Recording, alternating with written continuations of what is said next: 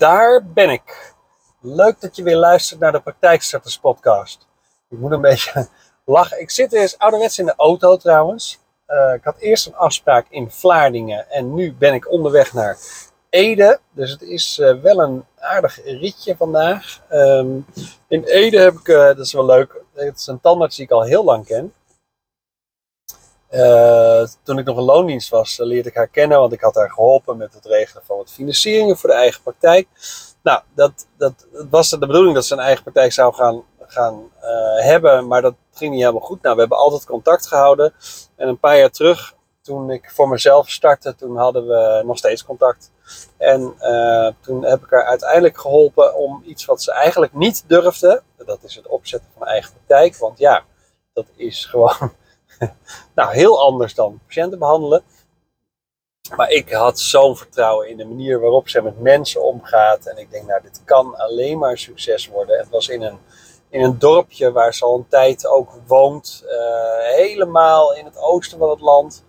En uh, dus ik zeg van, nou, dit ga je gewoon, dit wordt gewoon een super succes. Nou, ze heeft het uiteindelijk heeft ze het aangedurfd en heeft dus haar praktijk opgezet.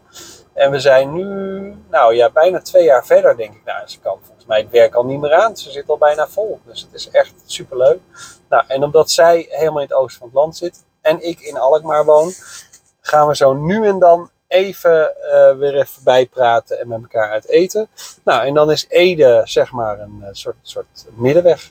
Maar ik, toen ik deze podcast wil gaan opnemen net, toen ik helemaal enthousiast praten en uh, nou ja, leuk dat je luistert, bla bla bla. En ik denk, waarom staat dat, slaat dat ding nou niet uit, joh? En toen nou, had ik natuurlijk weer het knopje van die microfoon vergeten, want ik heb het. Ik zit in de auto, hands-free uiteraard, en ik heb een microfoontje die zit vast aan mijn gordel.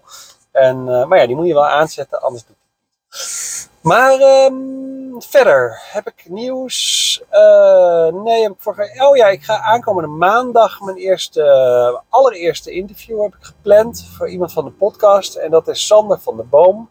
En Sander is niet een tandarts of iemand die, uh, of, of een mondhygiënist of wat dan ook. Maar Sander werkt voor een bedrijf, Dental International. En zij verkopen uh, standalone apparatuur.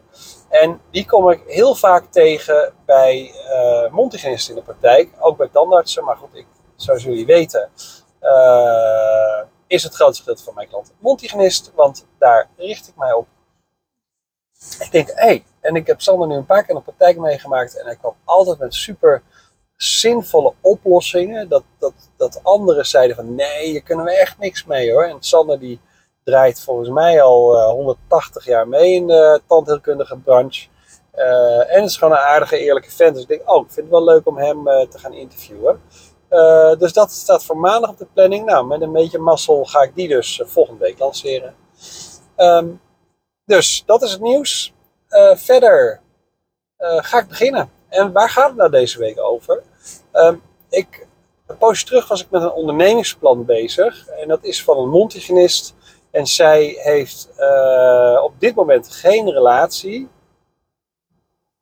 En zij werkt in drie praktijken. Zij, ja, zij werkt echt al vijf dagen in de week over het algemeen. En, uh, en ik, als ik met mensen ga samenwerken, als we starten met onze samenwerking, dan heb ik altijd een, een behoorlijk uitgebreide uh, voorbereidingsopdracht voor mijn uh, nieuwe klanten.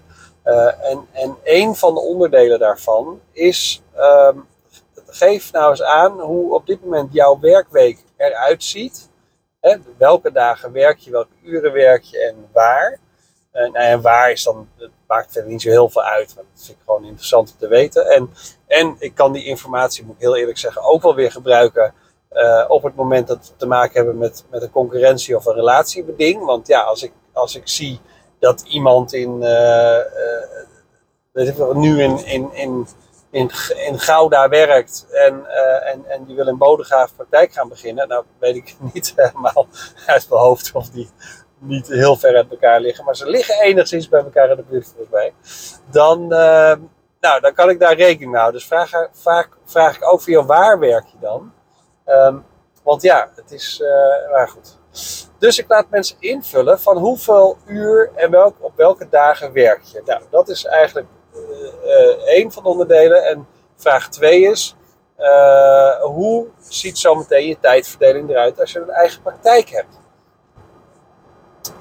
En dan krijg ik soms de vraag, ja, maar waarom wil je dat weten? Ik zeg, nou, dat ga ik je uitleggen. En daar is, gaat deze podcast eigenlijk over. Die tijdsindeling.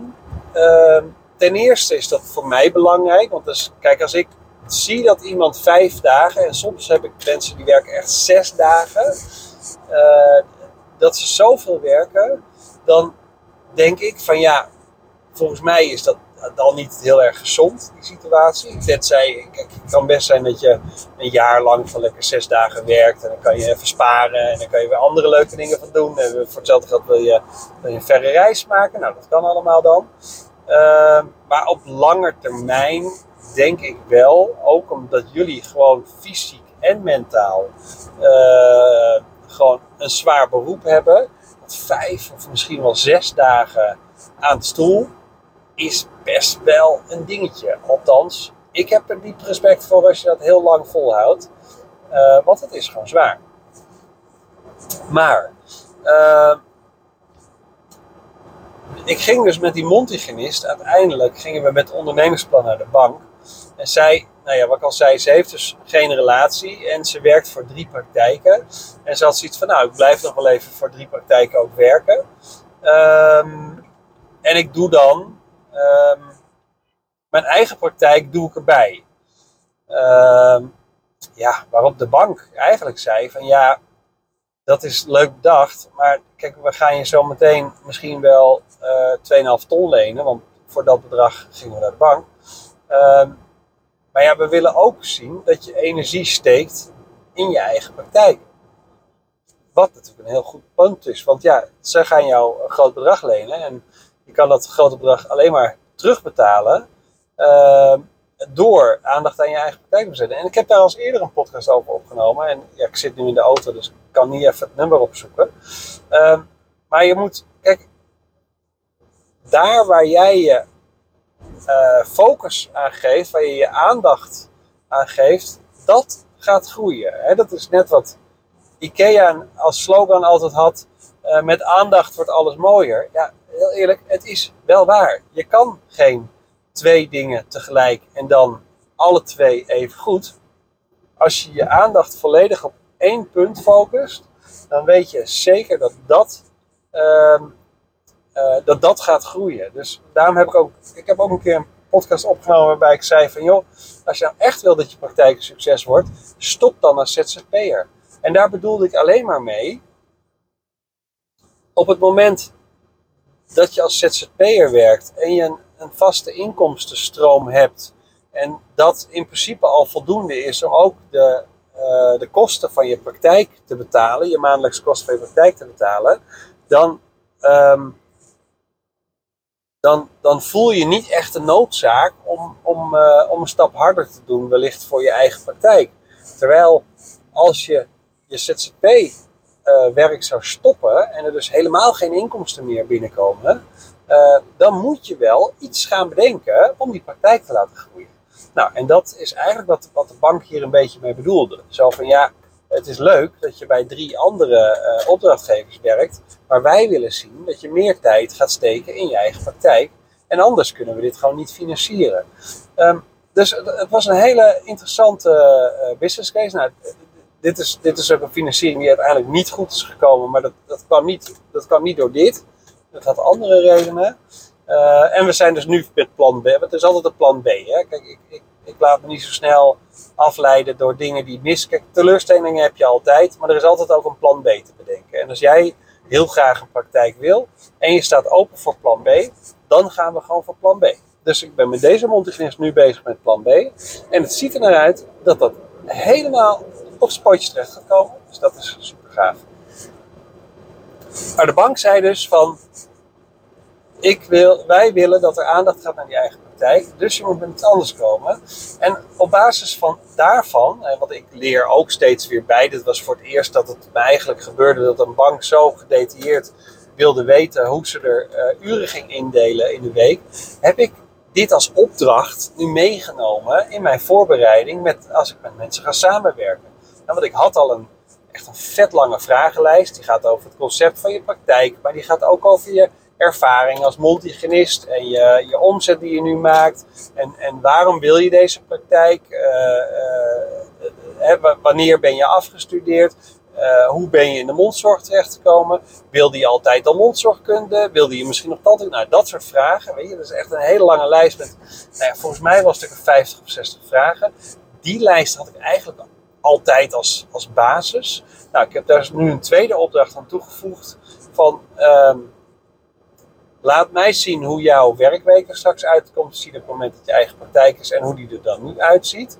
want als je normaal vier dagen als ZZP'er werkt en je zegt, joh, ik doe even drie avonden erbij voor mijn eigen praktijk. Dan vraag ik me ook af of je dat heel lang gaat volhouden. Nou, die bank, de, de bank zal je die vragen ook stellen. Dus ik heb liever dat we die voor zijn. Um, en ik heb als laatste opdracht nu ook nog toegevoegd dat mensen, um, mensen, een raar woord, uh, dat multigenisten um, hun privélasten moeten invullen. En dat is ook een, een, nou ja, misschien een bijzondere opdracht. Maar kijk, het is de bedoeling als je een onderneming start, en een praktijk is gewoon een onderneming, uh, dat je naast uh, alle, alle lasten van de praktijk ook nog jezelf kunt betalen met salaris vet belangrijk, want met dat salaris moet je je boodschappen doen, je huis betalen en op vakantie. Um, maar uh, ik weet natuurlijk niet wat jij nodig hebt. En, en een bank maakt een inschatting van hoeveel zij denken dat je nodig hebt. En ik wil er altijd zeker van zijn dat als de bank met een inschatting komt, kijk, als zij inschatten dat jij op basis van je uh, uh, woonoppervlak 550 euro per maand aan gas, water, licht betaalt. En je hebt een vet goede deal gesloten en je betaalt niet 550 euro, maar je betaalt 250 euro. Um, dan wil ik wel tegen de banken zeggen: Ja, het is leuk dat jullie aannames doen. Hè, want ze doen altijd aannames op basis van waar je woont en dat soort zaken. Maar het klopt niet. Want het is natuurlijk zonde als jij je lening niet krijgt, omdat de bank bepaalde aannames heeft gedaan, die vervolgens niet blijken te kloppen. Nou, daarom uh, vraag ik ook door van joh, hoeveel uh, privélasten heb je? En dat gaat met gewoon de vaste kosten. Dus dat is je, je gaswaterlicht, je telefoonabonnement, je, je Netflix en weet ik wat voor andere streaming services. Uh, maar ook wat geef je uit aan kleding. en dat hoeft niet exact te zijn, maar je kan best zeggen, joh, 100 eh, euro per maand. Eh, eh, zet dat er maar voor kleding bij. Wil je nog sparen? Dat hoort er ook bij. Nou, en daar rolt uiteindelijk een totaalbedrag uit wat je dan ongeveer per maand nodig hebt. Nou, en daar kan ik dan weer rekening mee houden in, mijn, in het ondernemersplan wat ik voor je maak. Want dat kan ik als prognose mee. want als blijkt dat, dat uit jouw praktijk geen salaris te halen valt, nou, dan hebben we weer een andere uitdaging die we op moeten lossen. Maar goed, daar kan ik een hele nieuwe over opnemen. Dus uh, deze ging meer over tijdsbesteding. En vraag je je ook jezelf eens af van hoeveel wil ik nou eigenlijk werken? Want sommige mensen die zijn, weet je, die werkten eerst drie dagen en toen werden drie werden vier dagen en toen werden vier ineens vijf dagen. En nou, soms zijn ze nu zelfs zover dat ze soms vijf en een half of zes dagen werken. Maar wat wil je nou eigenlijk? He, als jij zegt van, ik vind vier dagen echt wel de max. Nou, dan moeten we dus daar naartoe werken. Kijk, dan doe ik het nu met je huidige staatje. Van joh, dit is hoe het er nu, het paadje er nu uitziet. Als jij zegt ik wil maximaal vier dagen werken, prima. Dan wordt het nieuwe staatje dus drie dagen in eerste instantie bij een andere praktijk. En één dag voor je eigen praktijk, of misschien twee dagdelen. En naarmate je patiëntenbestand groeit, althans de prognose laat zien dat het groeit, dan ga je langzaam je ZZP afbouwen en je gaat de uren in je eigen praktijk ga je opbouwen. Nou, op die manier krijgen we een mooie mix en op die manier werken we daadwerkelijk toe naar jouw ideaal van vier dagen werken. Want ja, hoe lekker is het als je gewoon met vier dagen redt? Of misschien met drieënhalf. Of nou ja, ja, net wat je wil. Maar daar kunnen we wel op rekenen. En daar zijn die uren dus belangrijk voor. En de bank kijkt dus mee. Um, naar jouw tijdsindeling. Want die willen zien dat de aandacht naar je eigen praktijk gaat. Want dat is voor hun de garantie dat die praktijk sneller gaat groeien. En daarmee de garantie dat hun leningen worden terugbetaald. En dat is natuurlijk voor een bank het allerliefst wil dat jij gewoon de lening eh, betaalt eh, en de rente natuurlijk. Nou, dat was hem voor deze week.